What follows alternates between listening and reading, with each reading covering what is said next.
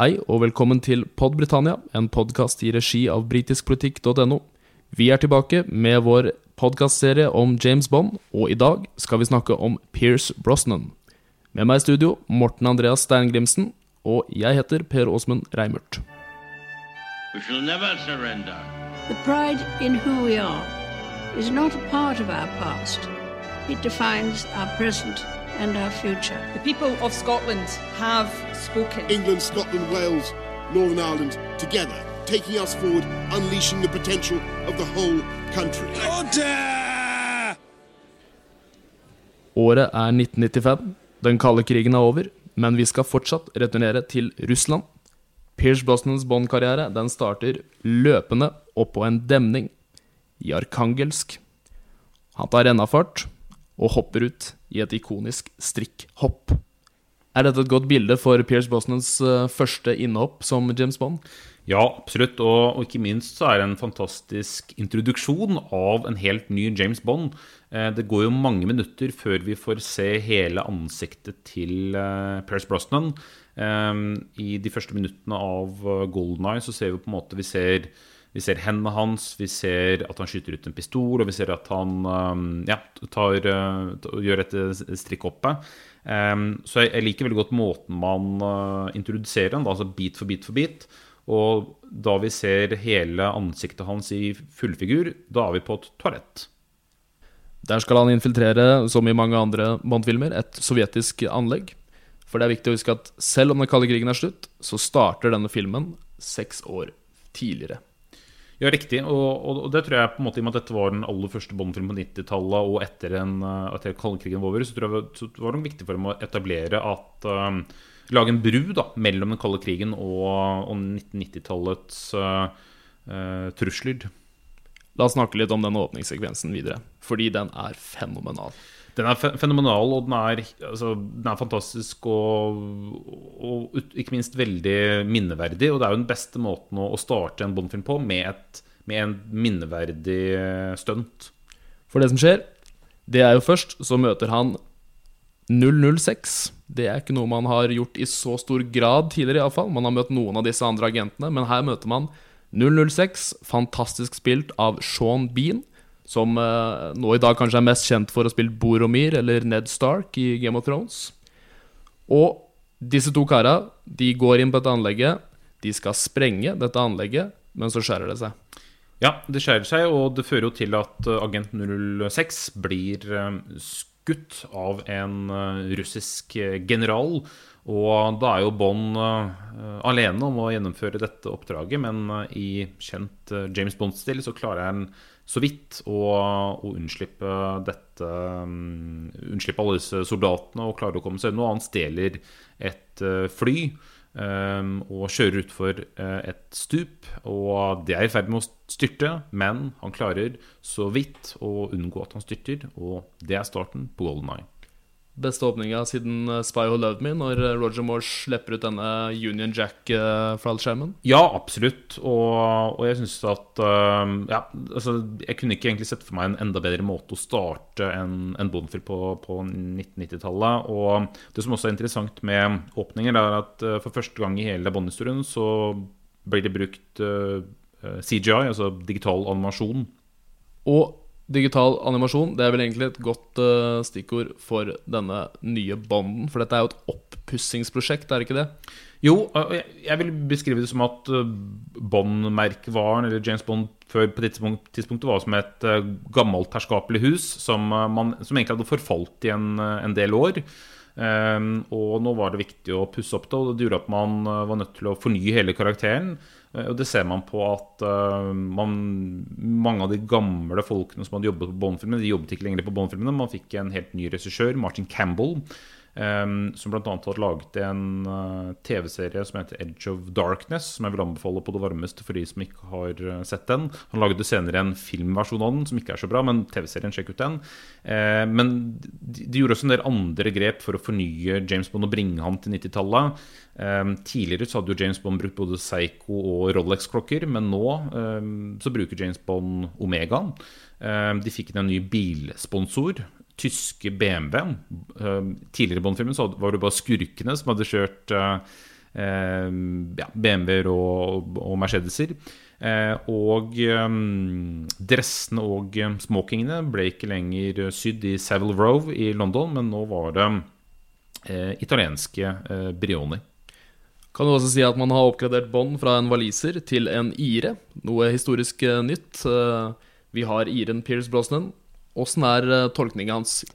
Pierce Brosnan har jo, vært, var, har jo vært blodfan av James Bond siden han eh, var liten gutt. Den aller første filmen han så på stort lerret eh, i London, var jo 'Goldfinger' med nettopp Sean Connery.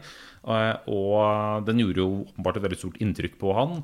Eh, og noen år senere, eh, da man skulle lage The Living Daylight, så var det egentlig Pierce Brosnan som fikk rollen som James Bond, men pga. Ja, at han var eh, kontraktsbundet til å gjøre en TV-serie, så fikk han ikke Bond-rollen da.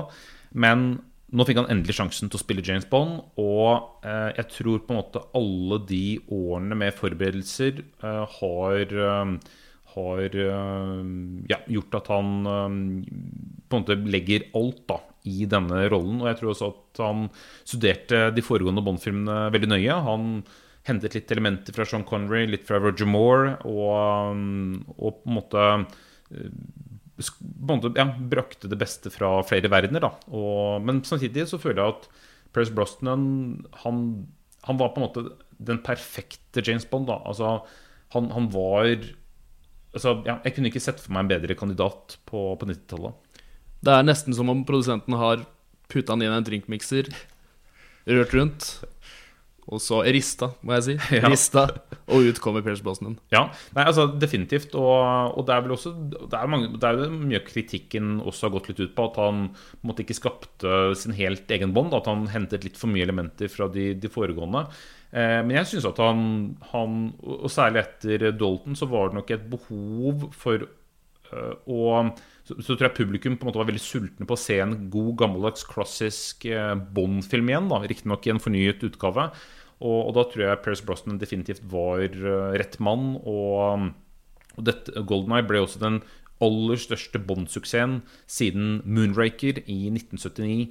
Eh, så um, publikum strømmet til uh, kinosalene for å se Bond, og det var en helt ny giv. Eh, men det var ikke alle som hadde troen på Brosnan eller James Bond. Eh, om ikke det var feil, så var det vel Wall Street Journal som sa det at det å lage en Bond-film på 90-tallet, det er veldig risikabelt. Og det var mange som ikke trodde at James Bond rett og slett hadde en fremtid. Og regissøren Martin Campbell har jo, han uttalte jo at han var jo livredd for å lage en Bond-film. For, for noen år eh, noen år tidligere så hadde jo James Cameron kommet med True Lies, som på en måte er et slags kjærlighetsbrev til James Bond. Og Arnold Schwarzenegger spiller en veldig Bond-aktig eh, Bond-aktig eh, karakter. Eh, og det er mange imponerende sekvenser her. Eh, men de var jo veldig redde for at ville man kunne klare å lage en Bond-film som var minst eh, på samme nivå som eh, True Lies. Men det vil jo si at man klarte. Absolutt. Og ikke minst så lykkes denne filmen pga. de mange utrolig gode skuespillerne de har henta inn. Vi har eh, Famke Jensen som Bond-damen on the top. Det får Pierce Brosnan til å dra en slags Roger Moore-mine, en liten homasj til tidligere morsomheter med damenavn. Sean Bean, som vi nevnte innledningsvis, spoiler alert, han kommer tilbake senere i filmen. Og vi har eh, Robbie Coltrane, kjent som Gygrid for yngre generasjoner i Harry Potter-filmene. Og ikke minst så får vi en ny M. Det er da sjefen til Bond, etterretningssjefen, og dette er Judy Dench. Kan ikke du snakke litt om Judy Dench? Judi Dench um, er jo en av um, ja, britisk films store nasjonalskatter, hvis man uh, kan kalle henne det. Um, en av de virkelig, virkelig store. Ehm, men på det tidspunktet så var hun ikke så kjent som hun er nå, men definitivt veldig, veldig anerkjent. Og det at man castet en, eh, en kvinne i rollen som M, var blant annet eh, altså, Det var inspirert av virkeligheten, fordi på det tidspunktet så hadde også Etterretningstjenesten i England fått en kvinnelig sjef. Og det er jo tross alt 90-tallet, og, og en av um, hovedprodusentene av Golden er jo en kvinne. Så det gjør at uh, man får et mye større kvinnegalleri i Bond-filmene, og, og særlig at man gir M en mye større um, funksjon i, uh, i historien. Helt siden Dench kommer inn, så preges Bond-filmene av et slags uh, gi og ta, et sånn spenningsforhold mellom etterretningssjefen og James Bond. Og så er det også et slags litt sånn personlig preg mer, i større grad, mellom disse to uh, figurene.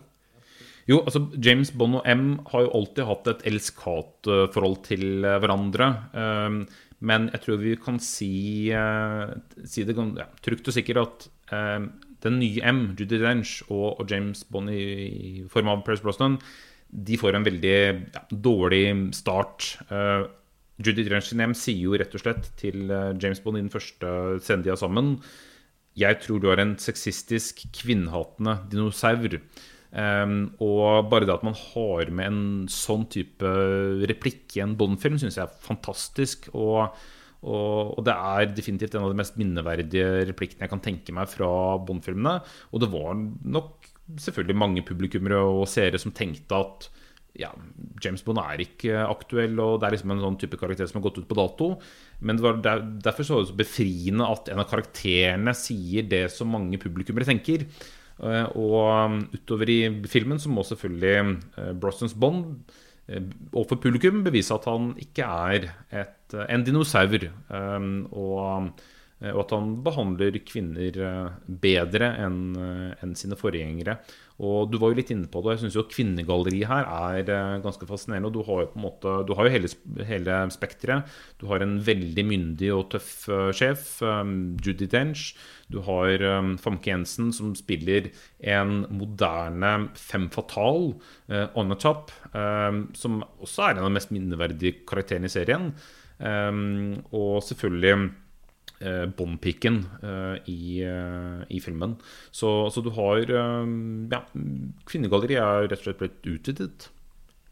Og i ganske stor grad så brukes det utvidede, det utvidede kvinnegalleriet til å åpne opp for litt psykologi i Bond-filmene. Dette er også noe som har preget Daniel Craig-æraen videre. Det ble en diskusjon mellom 006, Sean Bean og Pierce Brosnan om ja, om hva er det med alle disse kvinneerobringene? Ligger det noe bak? Hva er det med alle disse drinkene du drikker? Er det for å glemme noe, liksom? Det blir hele tida dratt litt ut oppførselen hans, da, tatt litt vekk, og så analysert i mye større grad.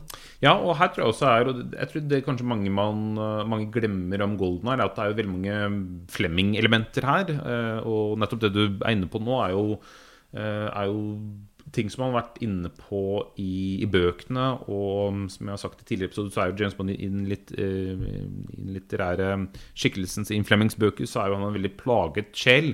Uh, og, og det tror jeg man nå er uh, Og det er noe av det man er ja, inne på i, eh, i Golden Eye. Men, men det som er litt synd, er at jeg føler at man, man pirker bare bitte litt borti det. da Man går ikke i så mye dybden i, i, i Golden Eye. Og Pierce Brosnan har vel også sagt i ettertid at han ville vel gjerne hatt muligheten til å utforske enda mer av dette. Men jeg tror også det er et sånn tegn i tiden at på det tidspunktet så, begynte, så ville publikum ha litt mer komplekse actionhelter. Eh, Det holdt liksom ikke bare med noen lettkledde jenter, en, en tøff helt og, og noen heftige stunts, men man, eh, man, krevde at eh, disse mannlige heltene også ja, ga litt mer av seg selv og var litt mer menneskelignende, da. Apropos returnering av eh, kvinner, utvinning av kvinner. Morten Harkets fløyelsmyke stemme er byttet ut med en skikkelig diva. Tina Turner, og det må vel være ja, ja topp tre Bond-låter for min del, iallfall Golden Eye. Absolutt, og jeg føler på mange måter at Golden Eye av, Tina Turner er jo en slags moderne versjon av Eller altså det det er, den er jo veldig Goldfinger-aktig, og, og stemmen hennes er jo perfekt til, eh, til en Bond-film. Um, og det var vel Bono and The Edge eh, som skrev eh, låten, så den kombinasjonen og Tino Turners stemme og, og selvfølgelig en veldig kul Bond-tittel, Golden Eye. Det må ha vært en stor utfordring å, lage en hel låt basert på ordet Golden Eye, men hun, hun klarer jammen meg det veldig godt. Og Ikke like vanskelig som Skyfall, kanskje, men det gikk ganske bra, det òg. Ja, det gikk ganske bra. Så, så, jeg, så det er definitivt en Og den låten ble jo også um, Ja, eh, gikk til topps på mange hitlister og, og er jo veldig ja, veldig klassisk Bond, men samtidig så, så er den ja, ta, er det noe som bidrar til å ta Bond inn i ny tid. Neste film, 'Tomorrow Never Dies'.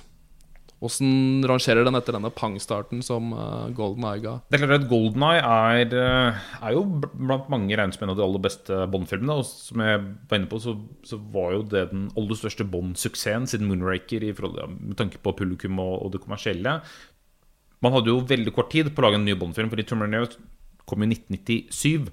Og de startet jo innspillingen uten et eh, manus, og jeg tror det har vært 17 manusfattere involvert på Terminator Rise, og filmen bærer vel litt preg av at historien er litt hastverksarbeid, og eh, man har på en måte sett den fortellingen eh, i flere Bond-filmer tidligere. Eh, det handler jo om eh, ja, Uten å avsløre for mye, så for de som ikke har sett filmen, så er det jo kapring eh, er, eh, er jo et viktig stikkord. Og det er jo noen som ønsker å skape konflikter mellom to store nasjoner. Um, og, og det har man på en måte sett både i Spy Love Me og Moonraker um, tidligere. Men jeg må bare si det. Tomb Raider Dice har også noen av um, Bond-seriens aller beste uh, actionsekvenser. Og noen av de heftige jagerflystuntsene. I åpningen er jo faktisk en nordmann som sto for um, Rolf Meum. Uh, utførte uh, de stuntsene. Og, um, og han ville gjøre enda villere ting, men produsenten sa nei. Hvor hadde denne sagaen vært uten nordmenn? Det er det jeg lurer på etter hvert. De har gjort et par ganske gode innhopp. Uh, jeg tror jeg har omtalt denne filmen som 'Tomorrow Never Knows'. Det er nok bare en eh, freudiansk uh, slip, er det de kaller det på psykologtermet. Jeg er en stor Beatles-fan. Er det ikke slik at tittelen skulle være eh, 'Tomorrow Never Knows'? Eh, jo, absolutt. Og så var det vel også inne om um, To Never Lies.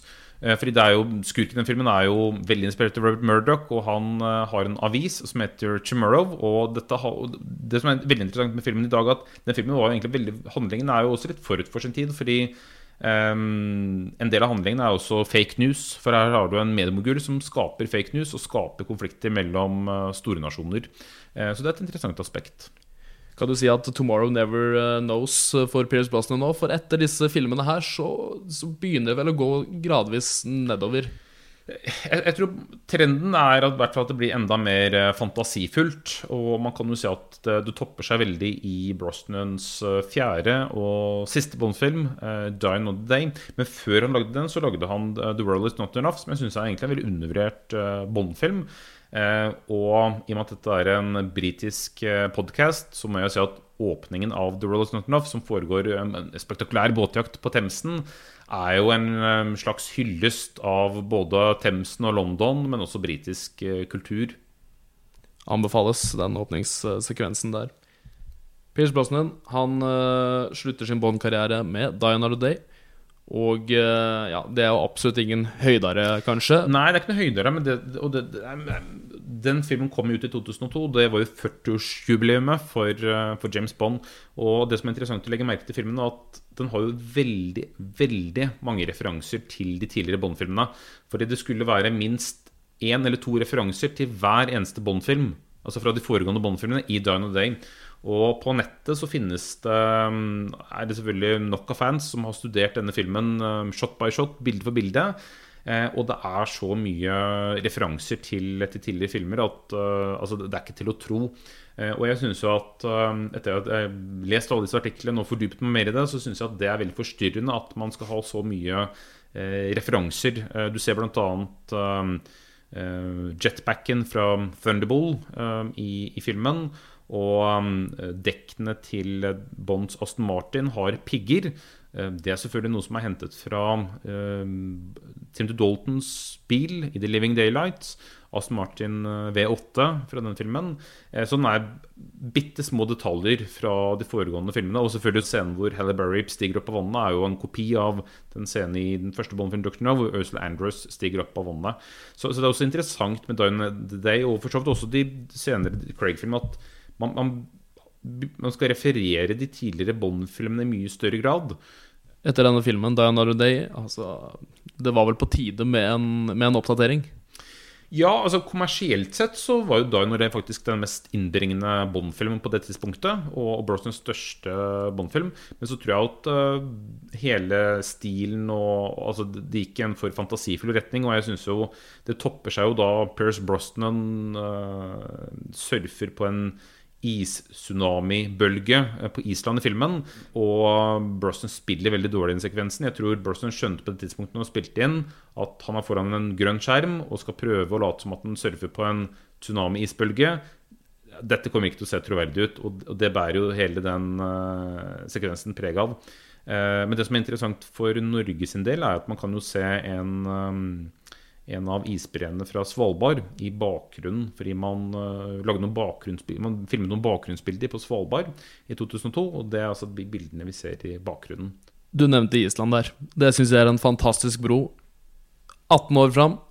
Vi befinner oss uh, i 2020, i år.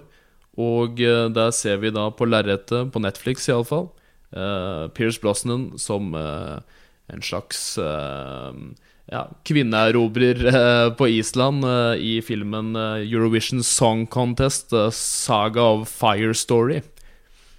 Hvordan har karrieren til Pierce Brosnan utarta seg etter Bond-slutten? Han har jo um, kanskje hatt en større karriere enn uh, enn både det Roger Moore, Timothy Dalton og George Lazenby hadde. Og en av de største filmene han har spilt i noensinne, er jo 'Mamma Mia' fra 2008. Uh, man kan jo selvfølgelig mene hva man vil om den filmen, men han tjente jo godt med penger på den filmen. Og, og det at han hadde en stor rolle der, viser jo at han i hvert fall i 2008 var en, en stor stjerne. Men ellers så har han jo også mye av de pengene han tjente ved å gjøre Bond-filmen, så startet um, startet Brosnan faktisk opp sitt eget produksjonsselskap.